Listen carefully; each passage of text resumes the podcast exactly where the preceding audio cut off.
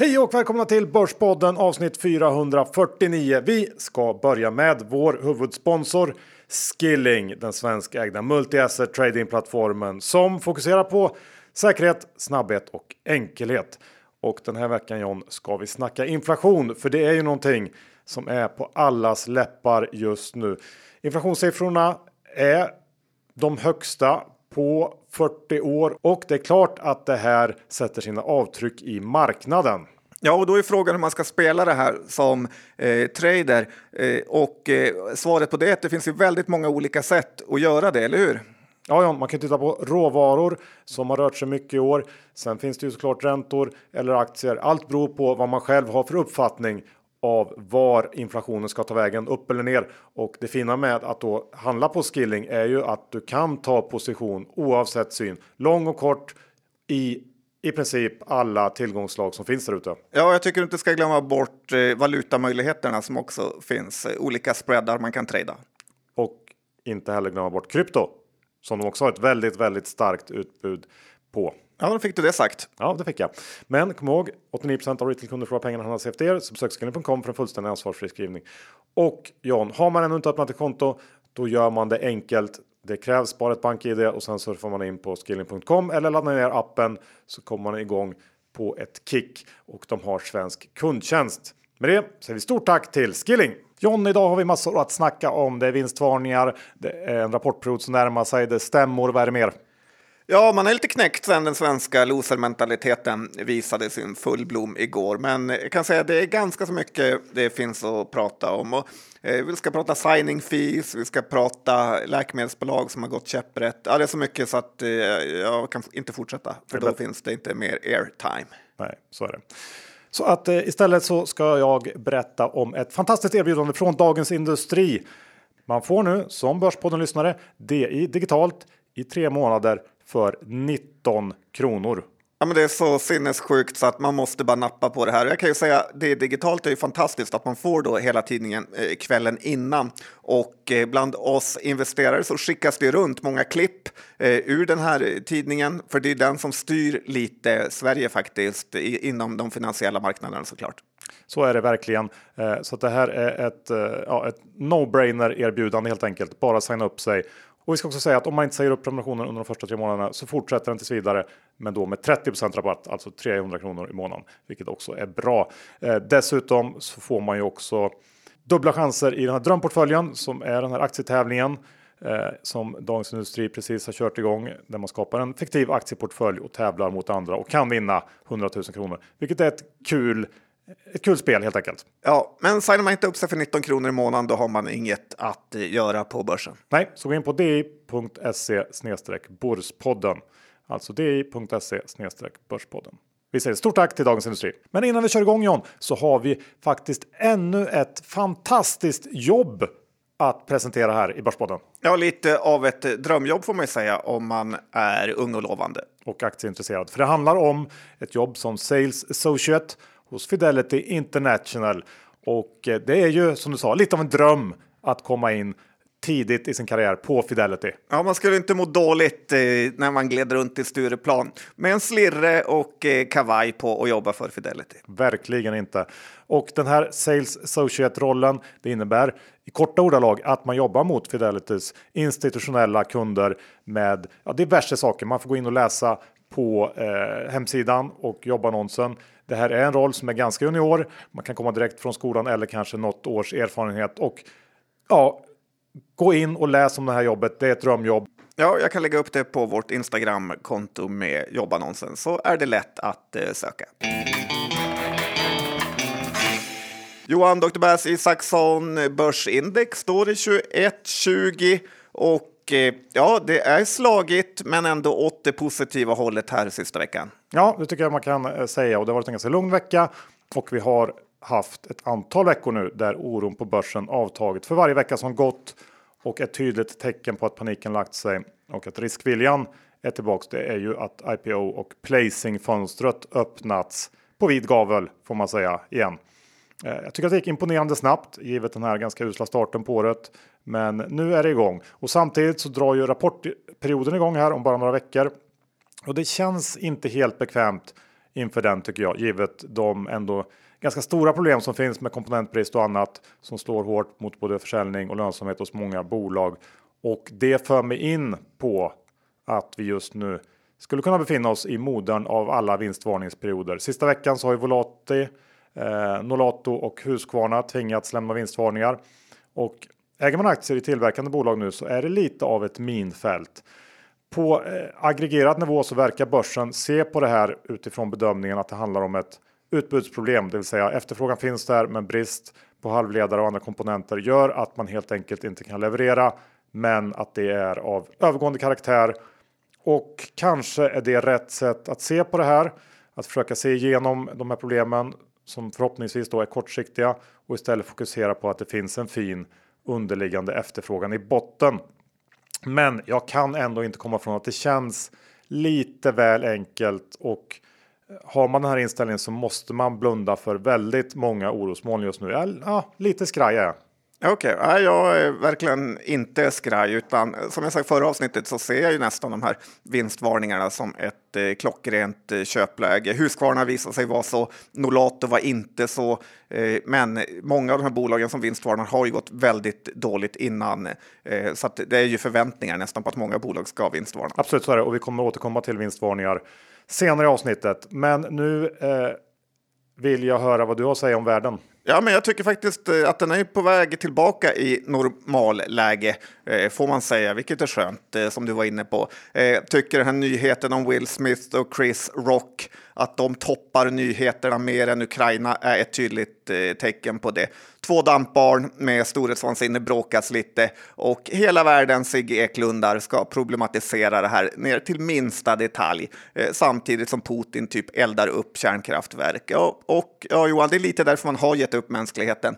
Eh, men som sagt, det är också ett tecken på att världens chocktillstånd har släppt. Ja, så kan man se på det. Hur är det med småspararnas bästa vän då? Ja, men det har ju varit väldigt mycket snack här om hur nätmäklarna, eh, om de är småspararnas bästa vänner eller om de inte är det. Och det är väl lite tvek på den egentligen. Men det är ju såklart bara företag där också som eh, Eh, vars alla andra företags uppgift är att tjäna så mycket pengar som möjligt. Så det är väl inget fel med det, även om den här sloganen kan vara lite irriterande. Eh, men frågan är ju dock hur de anställda trivs och eh, det kan man ju avgöra lite på personalomsättningen. Och här finns det ganska roliga uppgifter. Har du läst hållbarhetsredovisningarna Johan? Nej, pysslar inte med sånt. Nej, jag trodde att du var börsintresserad. Nej, men så här, I Nordnets hållbarhetsredovisning så står det att personalomsättningen är 25 procent, vilket är ju, ja, man får säga att det är otroligt högt. Det är lite callcenter-varning på Nordnet faktiskt. Att var fjärde person slutar på ett år är ju inte ett gott betyg. Eh, här kan man jämföra då med Handelsbanken som har en personalomsättning på 4 procent. Eh, så att cheferna på Nordnet kan inte vara helt nöjda. Eh, och dessutom så är det ju dåligt för bolaget då det kostar massa pengar att hela tiden träna upp ny personal. Så lite skärpning Nordnet här. Ni får börja behandla er personal lite värdigare och höja lönerna kan jag tycka. Ja, eh, lite, vad, vad låg Avanza på? Vet du det? Eh, ja, faktiskt låg de på 11 procent, vilket känns lite mer rimligt eh, för bolag med den åldersstrukturen. Mm, ja. Fina ord jag använder. Väldigt fina. Eh, igår John la jag några timmar av mitt liv på att eh, titta på Ericssons eh, webbsända stämma och det skulle jag inte gjort tror jag, för det var frustrerande och jobbigt att titta på. Det var lamt och det var tamt. För även om det röstades emot ansvarsfrihet Eh, för Börje och styrelsen så kändes det ändå knappt som kritik eh, för alla stora institutioner som röstade emot linda in då den här kritiken i bomull och det blev snarare en hyllningskör än tvärtom. Jag förstår inte varför man röstar emot ansvarsfrihet när man liksom inte menar det på riktigt. Och det spelade ju i praktiken ingen som helst roll. Märklig stämma måste jag säga. Uh, har du någon kommentar? Ja, men jag tycker det känns som att Ericsson mer och mer består av ett bolag av gamla stofiler. Alla är otroligt gamla. Det finns ingen ungdomlighet eller eh, fart och eh, fräs där kan jag säga. Så att, jag är besviken på att de inte kickar hela styrelsen och vdn när de nu var så eh, missnöjda. Typiskt sådana här spel för gallerierna som det stod i det. Eh, löjligt. Ja, ja, men jag håller faktiskt med. Det var lite löjligt. När vi ändå är lite negativa, det är negativt klimat. Ja, men det är väldigt eh, negativt klimat. Jag hörde ju till och med du Johan som var på eh, Dr. Bass humör idag. Eh, och även andra investerare är det och pratar det här om att vi se, eh, det vi nu ser i uppgången är ett bear market rally eller fyndsälj som Bråse så fyndigt hittade på. Eh, och jämför man då med tidigare börskrascher så visar ju då det sig att börsen under sådana här stora nedgångsfaser flera gånger har rejäla uppstudsar. Eh, grejen tycker jag att den här gången är ju att vi redan har haft den här stora korrigeringen som då skett i alla upphypade bolag, typ Zoom som har tappat 80 procent från toppen. Beyond Meat har väl tappat en eh, tre fjärdedelar av värdet. Shopify, Draftkings är andra bolag inom hypade sektorer som haft eh, enorma tapp på. Eh, och eh, Sverige har ju inte varit mycket sämre här tycker jag med eh, bolag som har tappat väldigt mycket som eh, Checkin, Vestum, Cetec, Peers och allt vad de heter. Eh, att Nasdaq inte kraschat eh, beror ju mer på att giganterna Amazon och Apple eh, faktiskt är bolag som eh, man kan väl säga förtjänar sina värderingar och eh, tjänar väldigt bra med pengar.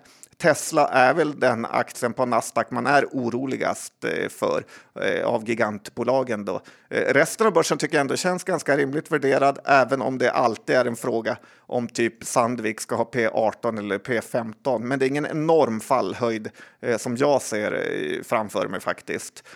Och dessutom tycker jag att man alltid ska konvertera om börserna till dollar och då har vi faktiskt fallit mycket mer än vad man kan tro vid en första anblick. Mm, nu har i och för sig dollarn tappat jättemycket på slutet också. Jag är ändå lite, lite orolig just för att man eh, helt verkar vara lugn på den här fronten med alla problem som finns just nu. Och jag, ja, jag är bara rädd att det kan dyka upp eh, värre saker och att det kan ta längre tid än väntat att eh, fixa till och att ja, men vinstförväntningarna kanske är lite för höga eh, på helåret ändå. Men vi får se. Det, jag, jag ser liksom ingen jättekrasch framför mig ska jag tillägga.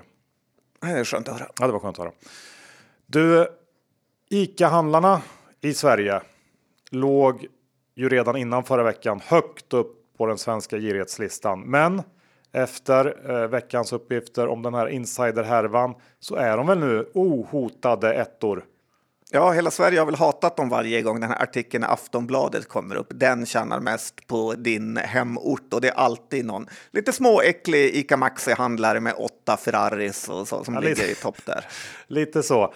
Eh, men nu efter det här så, så, är de ju, det är omöjligt att peta dem egentligen från första platsen tror jag på ganska lång period. Eh, och lite bakgrund här, för när budet på ICA presenterades i november förra året så hade ju aktien redan gått som en raket eh, veckorna eller månaden inför och det blev ju knappt någon premie alls. Eh, och det här är då ett av de mest frontade buden i Stockholmsbörsens historia.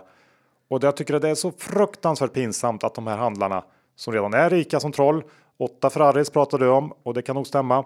Eh, att de är så ofattbart giriga att de inte kan avstå frestelsen och tjäna lite mer pengar genom att fuska med insiderinfo. Eh, en av de ICA-handlarna eh, som är häktad kör eh, i det eh, insiderhandel sammanhang beprövade magkänsleargumentet som försvar. Och det kan man ju förstå. Det har ju fungerat jättebra eh, tidigare som försvar insidermål, men det vill komma till att det här är ett mål som EBM måste vinna. Det finns inga alternativ här. Om det inte blir fällande domar så tycker jag på riktigt att vi, vi ska ta bort all lagstiftning som finns på området. För det kan inte bli mer straffbark än så här. Nej, men så är det ju och det är ju väldigt, väldigt många som har vetat om det här och mm, imponerande vilken riskvilja de här ICA-handlarna har faktiskt. Ja, liksom obryddhet. Ja, lite som Fasadgruppens ordförande brydde sig inte heller så mycket lite heller. Så. Alla pissar på EBM och FI. Ja, faktiskt. Inklusive vi, oss.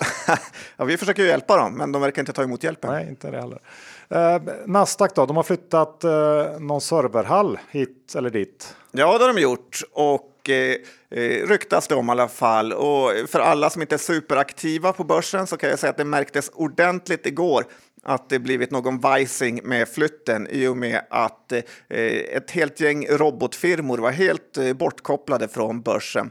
Eh, och jag måste säga att det var så härlig känsla att slippa de här värsta robotarna som frontar och fejkar ordrar till höger och vänster i alla bolag. Så att det kändes som den gamla goda tiden för en stund.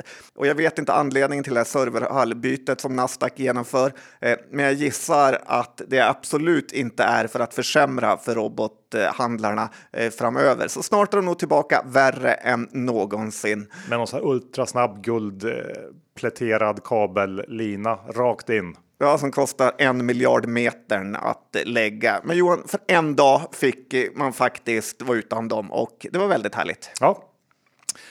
Eh, Det får man att tänka lite på. Man vet aldrig vad som ska hända när man vaknar upp på morgonen. Och det, eh, så var det förra veckan. Alltså, Ja, eh, det brukar vara en ny tråkig dag framför sig. ja, precis. Men i fredags så blev vi utsatta för någonting. Kan, man kan se det som någonting hemskt men också härligt. Beror lite på vad man har för läggning. Det var ju så att Twitterprofilen Aktiehästen hade tagit bilder på dig och mig och några andra Twitterprofiler och gjort om oss till tjejer. Mm, det kommer jag ihåg. Det var eh, mer härligt tycker jag. Grejen var ju att både du och jag blev eh, väldigt heta som tjejer får man säga. Ja, jag tror till och med att du blev ännu hetare. Det var någon som sa till mig att eh, din bild är den man tar med sig till plastikkirurgen och visar upp som målbild. Det kan ha varit så. Och det här innebar, Jag kändes mer som något sjukt objekt som låg på så här eh, tycker det var många som... Var tvungen att fiska fram något. Eh, Jag tror en viss del av, av följarna tror jag gick igång på dig också. Eh, det här innebar att det tog inte särskilt lång tid innan kommentarerna haglade in via Twitter. Det var damn! Och folk hade aldrig varit så sugna på Börspodden som nu. Om vi inte bytte kön ASAP så var det något fel på oss. Och ja, man kan ju ha många takes på det här, men jag, det jag tar med mig är väl ändå att man, man vet aldrig vad dagen bär i sitt sköte. Jag hade inte räknat med att bli runkobjekt på Finanstwitter när jag vaknade på fredagsmorgonen, men så blev det. ja, även om du hade hoppats lite, lite. Lite. Vi är denna vecka sponsrade av Klients kapitalförvaltning och jag vet att många har Klients småbolagsfond som en favoritfond. Och då vill jag veta John, hur gör man egentligen för att överträffa index fem år i rad som den här fonden har gjort? Ja, men Johan, det är ju så att eh, investerar i riktiga småbolag. Eh, många småbolagsfonder pratar om småbolag, men de bolagen är ändå alldeles för stora tycker jag för att kalla sig småbolag. Här har ju Carl Sundblad fokuserat på bolag som faktiskt är så kallade småbolag. Och eh, det är också så att eh, man låter hela portföljen göra jobbet. Många fonder väljer ju att ta upp till 10 procent av fondens totala värde i ett enskilt eh, bolag. Kliens småbolag är ju betydligt mer lika viktad och eh, majoriteten av fondens innehav ligger på mellan 3 och 5 procent eh, av eh, det totala värdet. Då. Och det gör ju att alla bolag i portföljen arbetar för att skapa avkastning. Och sen undviker man ju förhoppningsbolag och det är en väldigt viktig del för då slipper man att gå på rejäla minor. Eh, och jag tycker faktiskt att eh, det, det kan man se i facit Johan. För Kliens småbolag har ju kunnat uppvisa väldigt fina resultat. Verkligen. Och vill man veta mer om Klients småbolag så besöker ni småbolag.kliens.se eller går in på klients.se och prenumererar på deras nyhetsbrev. Men kom ihåg, historisk avkastning är en garanti för framtida avkastning. Pengar som placeras i fonder kan både öka och minska i värde och det är inte säkert att få tillbaka hela insatta kapitalet. Med det säger vi stort tack till Klients kapitalförvaltning. Vi är denna vecka sponsrade av härliga, härliga Lunarion. Och visst är det bisarrt hur mycket kapital som svenskarna bara har liggandes på sparkonton helt utan ränta.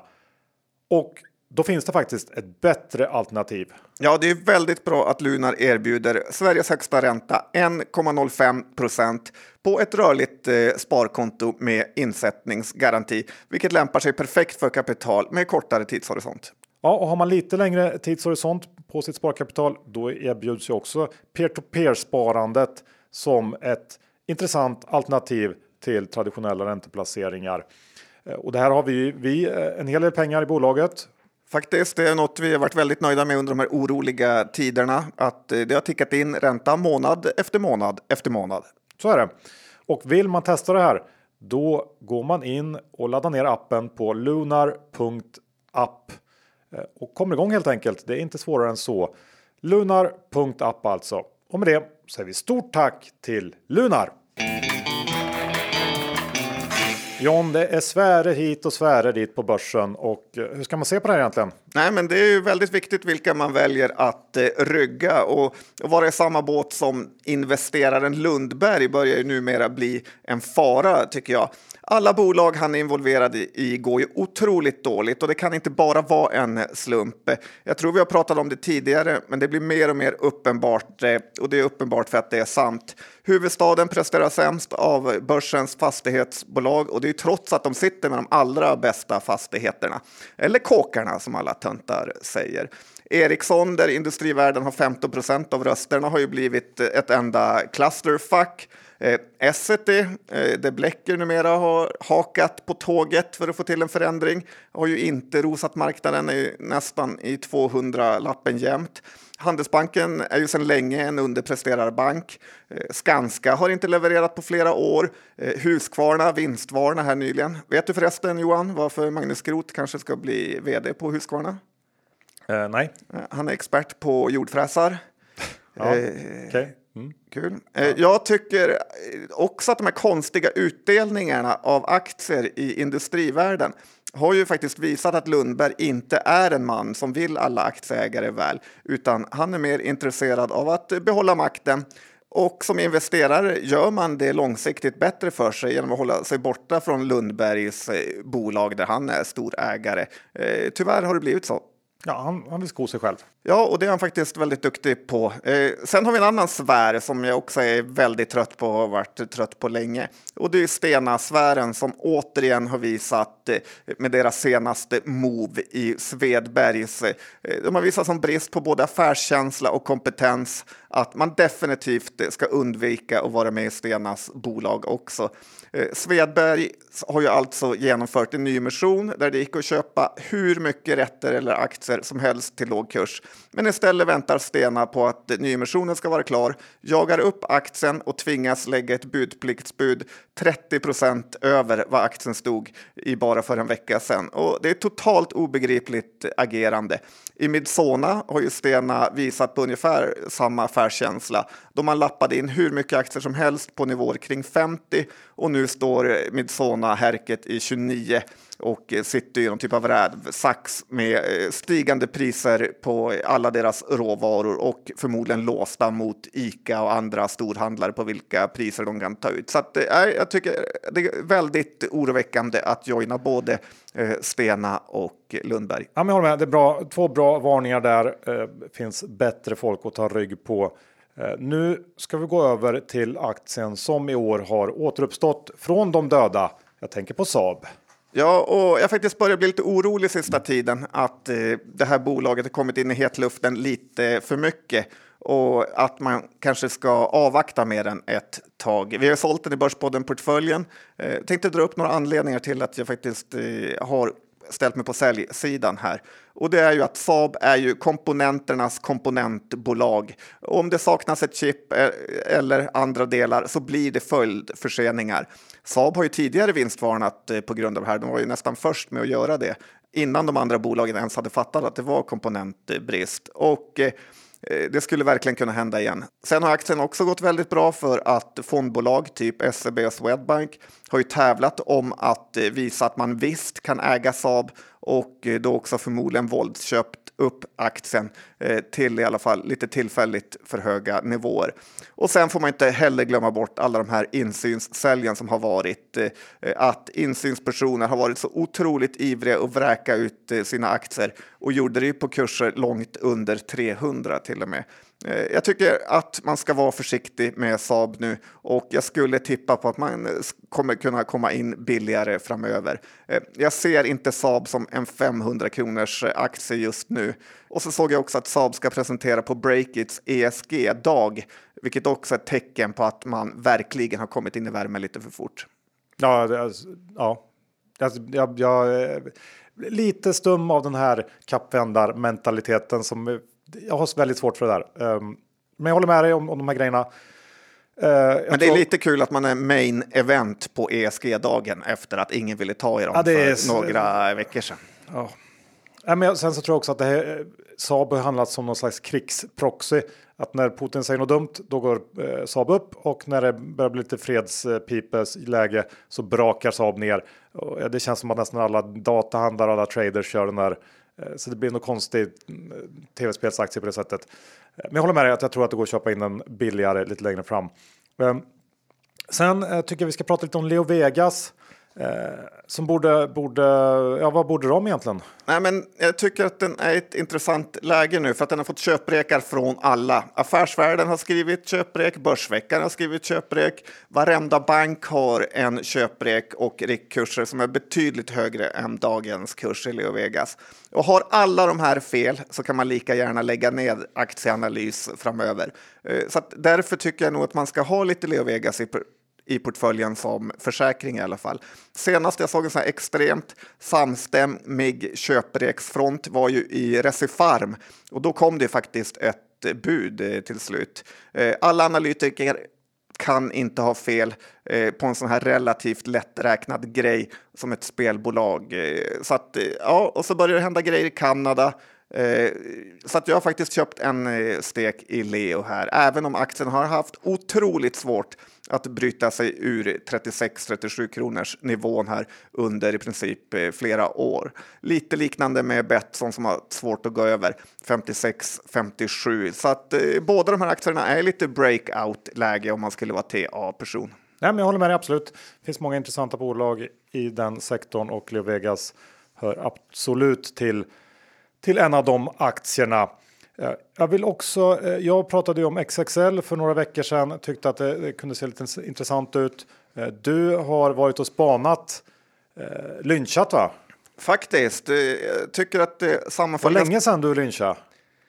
Ja. En period så lynchade du flera gånger i veckan.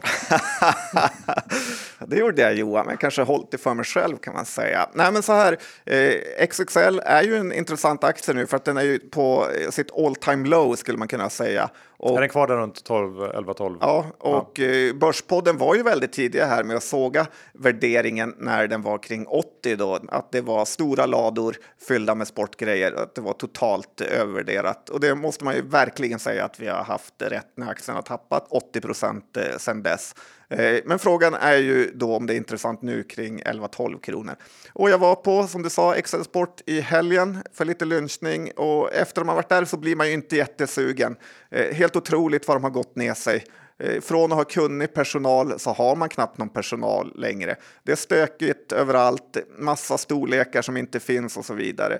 Och sen har ju flera analyshus nu sänkt eh, sin riktkurs sista veckorna, vilket verkar väl tyda då på en rejäl analytikermassage eh, med ett ganska så dåligt budskap. Och det som är lite roligt är ju att när XXL var hett för några år sedan Eh, så sa man att de slog ut alla mindre sportbutiker och tog över allt. Eh, tittar man på vinsten då så 2021 tjänar man 1,30 per aktie och man har inte jättehög skuld eh, utan nettoskulden ligger på kring 700 miljoner här. Jag tror mycket av det också är att man buffrar upp laget rejält här i slutet på året så att det där kommer det kommer nog bli ganska frigöras en del från det här under våren så att jag tror att den är ännu lägre än så egentligen.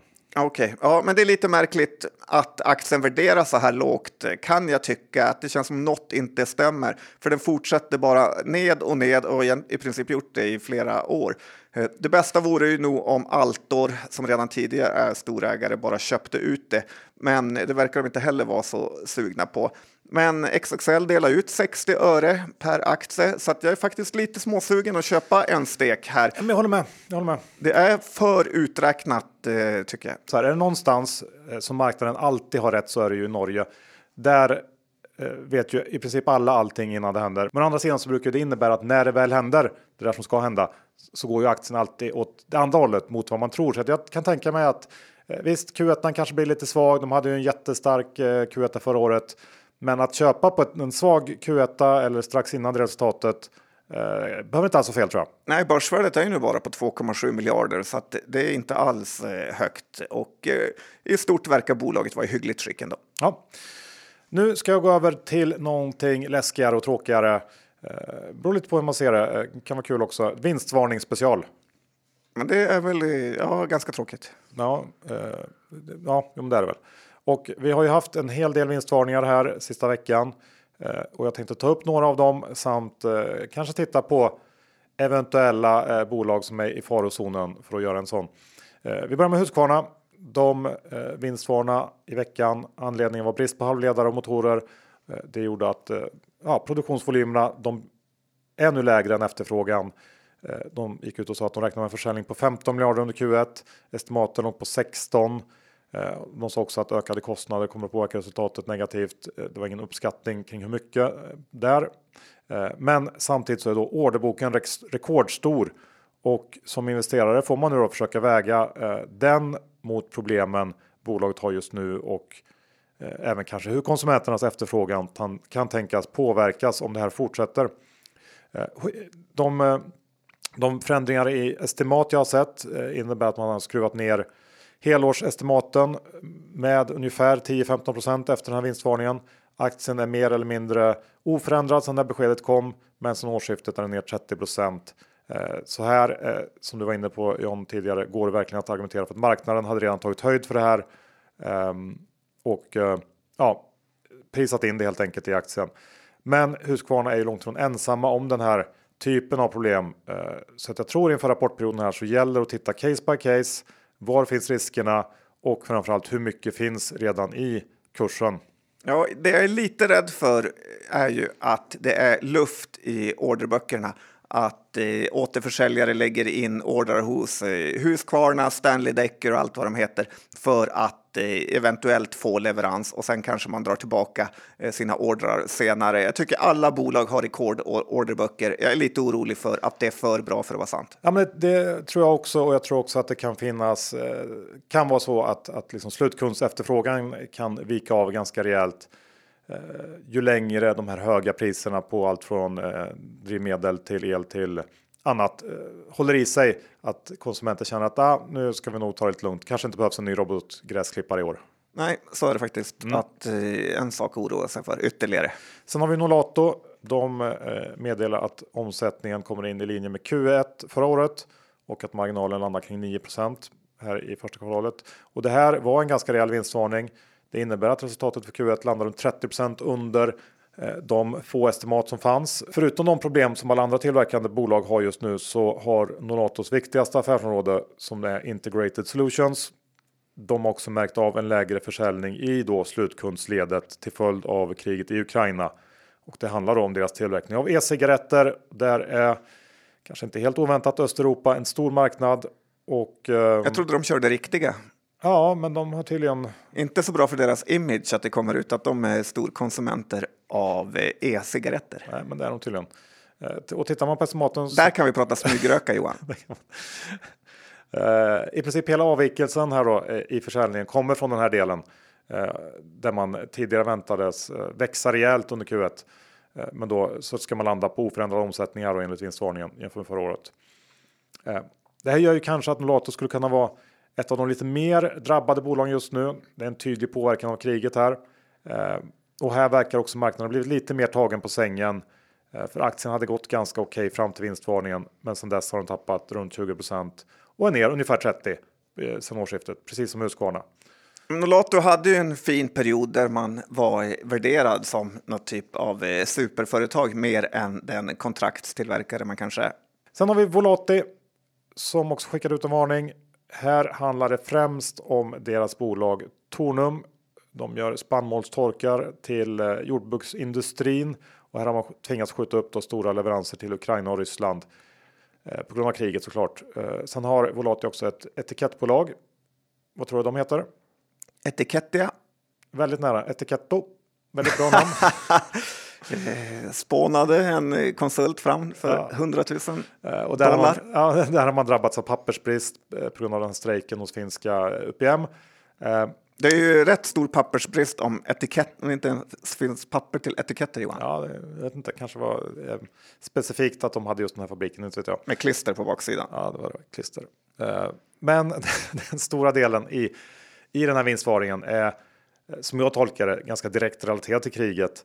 Och eh, man skriver också att eh, de negativa effekterna väntas bli mindre för resten av året. Eh, så att här tycker jag lite sådär EO vinstvarning. på Volatis PM. Ja, generellt är det imponerande att många bolag säger att det inte kommer bli värre utan det kommer bli bättre framöver, att de nästan kan se in i framtiden. Det är inte helt säkert. Nej, det är det inte, men de verkar tro det. Och så tog jag också upp en, en vinstvarning från Finland, eh, e-handlaren Verkkokauppa, som ju är Finlands svar på NetOnNet kan man säga. De justerar ner sin helårsprognos för resultatet med 30 och här tycker jag det är intressant för de motiverar det främst med dämpat konsumentförtroende och minskad köplust och att det här då har tilltagit i styrka sedan kriget startade. Um, och det här med att konsumenter bör hålla lite mer i plånboken, eh, framförallt när det kanske gäller sällanköpsvaror. Det är någonting som jag i alla fall tror man ska hålla lite koll på. Sen är det möjligt att finnarnas beteende påverkas mer av kriget, eh, givet historik och, och närheten till Ryssland, än, eh, än vad det gör här i Sverige. Men jag tror ändå inte att man ska räkna bort den fallande efterfrågan även här hemma. Eh, som en konsekvens av allt som pågår. Så baserat på alla de här vinstvarnarna, vilka potentiella eh, ligger i farozonen närmsta veckorna? Eh, vi har ju tagit upp Arjo för någon vecka sedan här, eller förra veckan var det va, som redan indirekt vinstvarnat via den här eh, extrema analytikermassagen. Ja, det var trist att se. Ja. Ostraffade som vanligt. Uh, sen har vi, Electrolux har ju alla pratat om. Den är så väntad att aktien antagligen skulle gå upp på en vinstvarning. Jag tänker Dometic och Thule skulle kunna vara i farozonen. Samtidigt är det här, också, det här är aktier som är ner 30% i år. 30% verkar vara någon slags gyllene gräns Eh, för kursnedgång, kursnedgång eh, där vinstvarningarna redan är inprisade. Kan också vara värt att ha med sig. Eh, ett bolag som Kabe tänker jag borde också stäng, känna av stigande priser och, och det höga bensinpriset borde avskräcka lite grann. Den aktien är bara ner 10% i år. Skulle kunna vara i farozonen även om den ser billig ut om man tittar på förra årets vinst. Det kan svänga snabbt där. Även stora problem med komponentbrister, hur de ska få tag i alla bilar som de eh, ja. inte gör utan som de köper ifrån någon ja, annan tillverkare. Lite varning där känner jag ändå. Den ner 10 känns inte så eh, blodigt. Borde finnas, kunna finnas lite mer nedsida där. Har du några fler på lager John? Jag tycker du ringa in det bra och i princip får man väl säga att alla bolag mer eller mindre eh, kommer vara lite påverkade av det här. Frågan är dock om de vinstvarnar eller inte. Det återstår att se. Vi går över till Truecaller där det har svängt hit och dit sista månaderna. Det är insiderförsäljningar och det är eh, grejer. Ja, upp och ner. Även köp också får man säga. Ja. Eh, men jag tycker de är i ett spännande läge nu och jag tror i grund och botten inte på det här bolaget särskilt mycket. Men jag tror på det som aktie för en kort tid framöver. Att det skulle kunna lossna för den nu efter en riktigt sur period som varit. Eh, för här har man ingen oro för komponenter eller andra krigskomplikationer.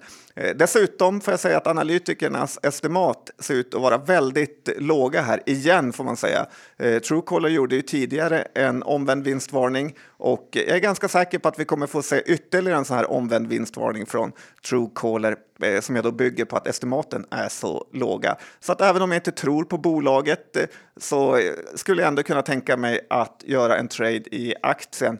Rapporten är i början av maj och och eh, eh, det är ju faktiskt så att en omvänd vinstvarning kan ju komma långt innan det nu när kvartalet alldeles strax är över. Ja, men jag håller med. Det har ju varit väldigt mycket negativt för aktiekursen. Allt från eh, gamla storägare som sålt ut fonder och sånt som sålt ut innehav till någon. Det var ju någon artikel som hade granskat deras verksamhet i Indien på ett negativt sätt. Mycket sånt har varit sista tiden.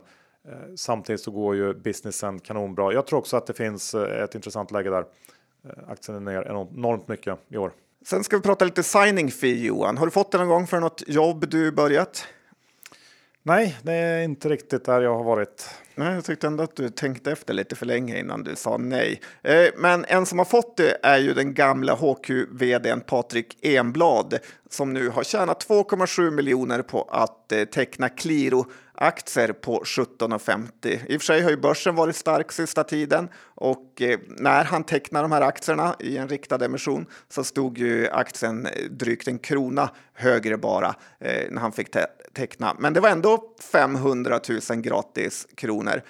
Qliro är den här dåliga Klarna-konkurrenten så att det ska bli väldigt spännande att se vad Patrik Enblad har för tankar här. För han har ju ändå lite spännande erfarenhet från Sinober och eh, andra bolag. Eh, men det är ändå en helt ny grej att man börjar med att dela ut gratispengar till den nya ordföranden. Eh, för jag antar att han har fått en ganska bra genomgång av bolaget innan han bestämmer sig både för att tacka ja till tjänsten och för att köpa aktier. Så att en halv miljon i signing för Johan. Tar du det? Det, det, det, tar jag nog inte kanske så här rakt, men det blir intressant att följa. Hur är det med Karo Pharma? Ja, men det här är också en liten intressant eh, härva på börsen, för de genomför ju nu en nyemission som enligt mig och andra bedömare, som man säger, är jag bedömare Johan? Ja, knappt. eh, nej, men den är ju till för att EQT ska trötta ut alla nej-sägare till budet de la tidigare. EQT äger ju drygt 80 procent av Karo Pharma eh, och trots att man tidigare lagt bud så har man då aldrig eh, kommit över de här 90 procent gränsen som gör att man kan eh, lösa ut alla andra. Och det här är bland annat efter ett småspararuppror där man tyckte att man fick för lite eh, betalt för Karo Pharma. Och nu har man istället det speciella upplägget med tre nya aktier för 14 gamla samt en ganska kort eh, teckningsperiod. Eh, det här är ett ypperligt läge för EQT att eh, stärka sin position i Karo. Och jag är helt övertygad om att eh, de här teckningsrätterna i princip kommer vara gratis i slutet av eh, perioden här. Och det kan nog vara ett köpläge då det absolut inte är otroligt att det kommer komma ett budpliktsbud från EQT eller bara ett nytt bud för att få loss de sista procenten av aktierna. man ser redan nu hur det mäklas stora poster Igår var det bland annat en halv procent av bolaget som mäklades över börsen. Så att jag tycker man har oddsen på sin sida här att eh, köpa lite EQT i slutet av teckningsperioden. Inte EQT va? Nej, eh, köpa Corpharma så eh, hoppas man på att EQT löser ut den. Ja, tvärtom helt enkelt. Mm. Mm. Eh, ja, spännande. Jag hade inte alls koll på det där. Jag ska kika på det. Vi avslutar med eh, någonting lite samma sektor, Saniona. Eh, för där är det något skit på gång, eller? Det får man nog lugnt säga. Det är inte klang och jubelföreställning i alla fall, för de tappade halva sitt börsvärde igår när man pausade sin eh, fas 2-studie Eh, för att man helt enkelt saknar cash och eh, ska sparka massa personal. Det är så tragiskt att se det här bolaget som har kört med så mycket fulspel genom tiderna att de förnedrar sina aktieägare en sista gång. Avanza Pension äger 5% av bolaget, två AP-fonder äger massa aktier och för något år sedan här så var det ju en snackis om hur AP-fonderna tecknade med typ 45 i rabatt i någon riktad nyemission och sen vräkte ut aktier i marknaden. Kommer du ihåg det? Eh, just det, vi kommer ihåg. Eh, och Saniona har ju haft en löjligt hög burn rate eh, får man säga med 125 miljoner per kvartal eh, för att man har lekt high flyers med att anställa amerikaner och så vidare. Eh, men nu är det slut och Saniona är faktiskt ett bolag som skulle kunna gå i konkurs det är ju något speciellt med danska forskningsbolag som vill vara noterade i Sverige för att det finns cash här. Eh, nu är det inte ens hett att bli ett fastighetsbolag längre, så frågan är vad man ska hitta på. Eh, och din regel Johan med att man inte ska investera i bolag med faser i sig är ju verkligen en vinnande strategi. En av de bättre reglerna som finns på börsen. Slut på avsnitt 449. Vi säger tack till vår huvudsponsor Skilling om ni inte öppnat ett konto. Vad väntar ni på? Ja, jag hoppas att man inte väntar på något utan man gör det med sitt bank-id. Ja, och de har svensk kundtjänst om man behöver hjälp. Eh, det är bara att gå in på skilling.com eller ladda ner appen så kommer man igång snabbt. Men kom ihåg 89 av retailkunder förlorar pengarna handlas efter er så bör skilling.com för en fullständig ansvarsfri skrivning. John, hur är det med innehav idag? Vi kan väl börja med BP-väskan som har lite Truecaller i sig och lite Leo Vegas. Är den, du menar eh, den mytomspunna? den mytomspunna. Förlåt att jag glömde det. Lite, är den legendarisk? Den börjar bli legendarisk efter senaste rallyt. Ja, men bra. Jag vill bara försäkra mig om vilken portfölj vi pratar om. Eh, ja, du kan fortsätta. Och eh, sen själv har jag ju Leo Vegas och så sitter jag kvar på min surdeg Ario. Och jag eh, sitter kvar med mina Ericsson-aktier. Ja, de har jag också. Försöker jobba bort Börje utan någon framgång. ja, det får man verkligen säga att du inte har fått eh, någon framgång där. Och eh, ja, nej, men så var det. Bra, slut, långt avsnitt igen. Vi kämpar på, levererar. Shareholder value, testar något som Börje aldrig testat. Det gör vi. Vi hörs om en vecka igen. Tack för att ni lyssnade. Hej då! Det gör vi. Hej då!